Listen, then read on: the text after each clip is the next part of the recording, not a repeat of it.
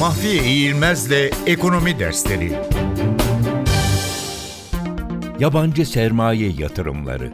Bir ülkeye yönelik yabancı sermaye yatırımlarını ikiye ayırarak incelemek gerekir. Birincisi doğrudan yabancı sermaye yatırımları, bir ülke sınırları dışındaki yatırımcıların ilgili ülkeye fabrika gibi üretim tesisleri kurarak, şube açarak, taşınmaz edinerek veya var olan bir şirketi tamamen veya kısmen satın alarak yaptıkları yatırımlara verilen addır. İkinci olarak dolaylı yabancı sermaye yatırımları söz konusudur. Bunlar hisse senedi alımı, tahvil alımı gibi yollarla gerçekleştirilen portföy yatırımlarını kapsamaktadır. Doğrudan ve dolaylı yabancı sermaye yatırımları arasında üç temel fark vardır.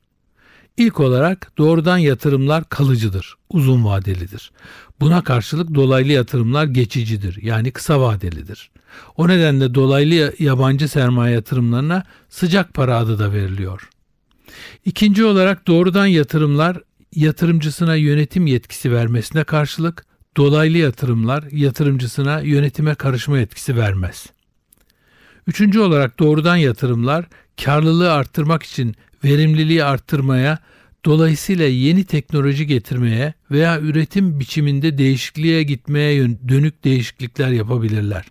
Oysa dolaylı yatırımların yönetim yetkisi olmaması nedeniyle böyle değişikliklere gitme hakkı bulunmamaktadır.